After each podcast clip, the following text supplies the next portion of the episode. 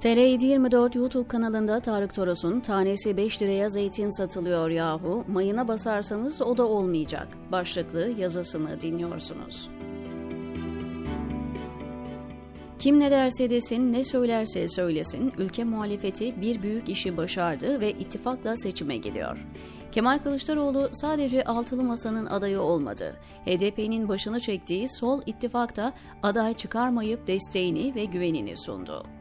Erdoğan bunun karşısında kendi masasını kurmaya çalıştığı olmadı. Bilakis mevcut masası sarsıldı.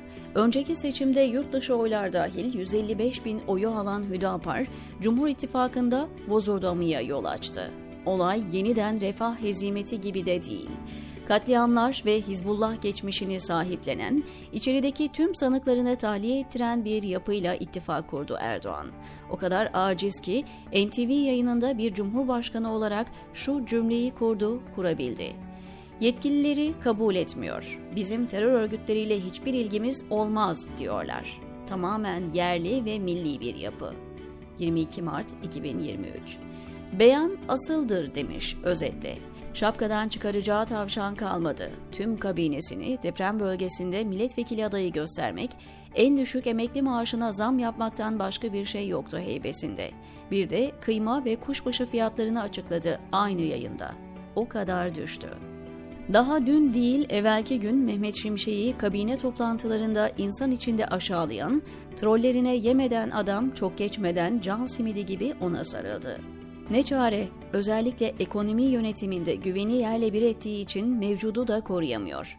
Mehmet Şimşek neler çektiğini anlatsın çünkü bana çok anlattı diyen Ali Babacan, keşke kendi bildiklerini anlatsa. Uzun yıllardır olmayan bir şey oldu. İki büyük ittifak ve iki aday yarışacak. Kılıçdaroğlu ve Erdoğan. Ötesi lagaluga'dır. Muharrem İnce'yi Ağır Alioğlu'nu ekarte edin başka şey çıkar. Her dönem kullanışlı mayınlar bulunur bulunacaktır. İşin doğası bu. Geçen yıl Ümit Özdağ vardı. Esamesi okunmuyor şimdi. Sandalyesini ilçe seçim kuruluna atmış, adayına imza toplamakla meşgul. Bakalım becerirse. Muharrem İnce depremle bir dalga yakaladı, üzerinde sörf yapıyor. Bir iki haftalık bir balon ve bunu avantaja çevirme derdinde. Koltuk olarak ne düşerse. Değilse o da biliyor ki hava kaçırıyor, söndü sönecek. Yılların kurdu. Yavuz Ağır Alioğlu diye başka bir sersem var. Akşener'in masaya dönmesi içine oturmuş esip üfürüyor. Parti disiplinini falan geçtim. Ekrem İmamoğlu 2019'da İstanbul'da HDP desteğiyle seçilmedi mi? O gün bölücülerle pazarlık filan gibi laflar ediyor muydun? Yani bunları kale alıp polemiğe girmeye değmez ya, neyse. Bakın ülkede tanesi 5 liraya zeytin satılıyor. Zeytin ne biliyor musunuz? Fakir fukara mutfağının azığı. Ben dar gelirli bir ailenin çocuğuyum. Evimize et ayda bir iki defa yarım kilo kıyma olarak girerdi. Ama soframızda zeytin hep oldu. Taze yeşil zeytini kırar, salamura suyuna basar, bidonlara doldurur, tüm sene yerdik.